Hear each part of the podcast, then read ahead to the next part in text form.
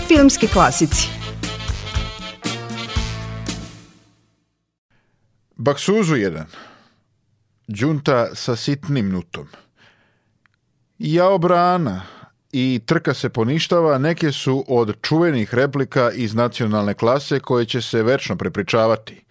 Saradnici na snimanju filma bili su neki od tada najuticajnijih ljudi u trkačkom sportu poput Branimira Perića Džoa, Marijana Kulundžića i Pavla Komnenovića, dok je ulogu spikera u filmu imao istaknuti novinar Dušan Tešić.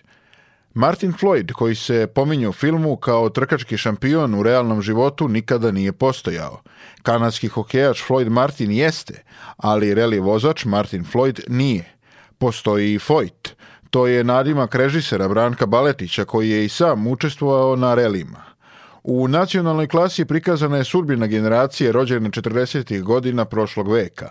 Njihovo sazrevanje u urbanoj sredini punoj mangupa koji u sebi nose gospodske manire – Ako se pažljivo analizira lik Branimira Mitrovića Flojda, jasno se može zaključiti da je to mladić pun medrine sa neodoljivim šarmom koji ulaže u razvoj sobstvene ličnosti, baveći se onim što zaista voli i do čega mu je stalo.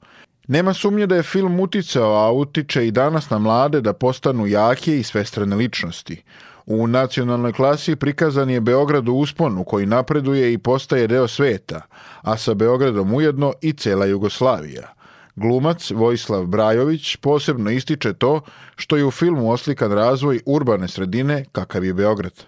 To je jedna stvar koja je u današnje vreme u koje živimo, a, mislim, nažalost, a, a, se pojavila velika, a, velika bliskost, nažalost, između urbanog i, i ruralnog na štetu urbanog. Ja nisam protiv ruralnog, ali ima nešto što što a, a, u ruralnom ja sam odrastao u Valjevu i ja znam taj veliki tu veliku želju divnih valjevaca da budu što razvijeni, da više, što više znaju, da, da se napreduju, da budu deo sveta, da tako kažem. Mislim, prvo, prvi jazz festival, pa ne znam, Ja, ja sam u gimnaziji, dakle to je 65.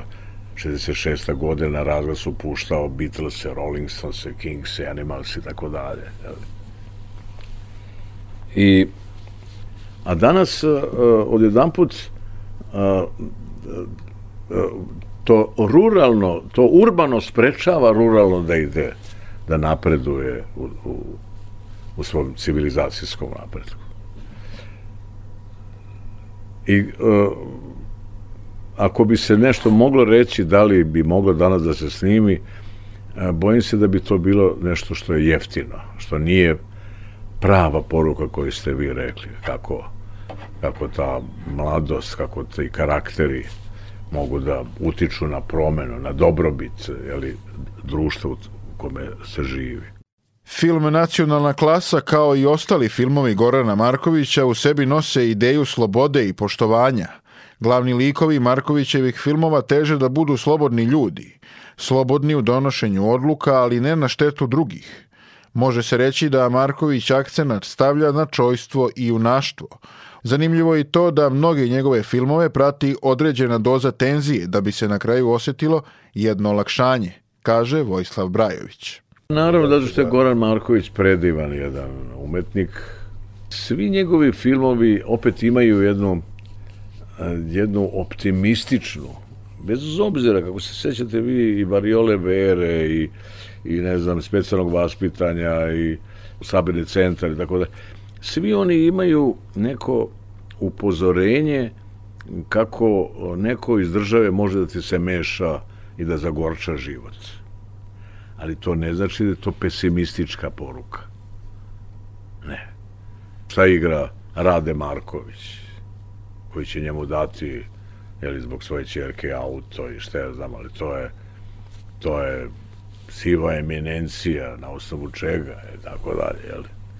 Znači, upozorava, pa onda imate to i u to u, u, u, u Variola Veri, da su oni koji hoće da, da sakriju tu, tu veliku zarazu koja preti i tako dalje. I u ovoj Variola Veri ima na kraju olakšanje kad rade Šerbeđi ozdravi, tačno osjećate kako je napeto, napeto. Zato kažem, da li, on, uh, kao što ja mislim da Crni talas uh, je govorio o svetlu u tunelu, a ne iz svetla u tunel. Svetlo u tunelu bio je i Branimir Mitrović Floyd, koji je sve nedaće koje su ga zadesile prihvatio sa filozofskim mirom i nastavio hrabro da korača kroz život kao pravi šmeker svetskog glasa, za kim šizi cela masa. Filmski klasici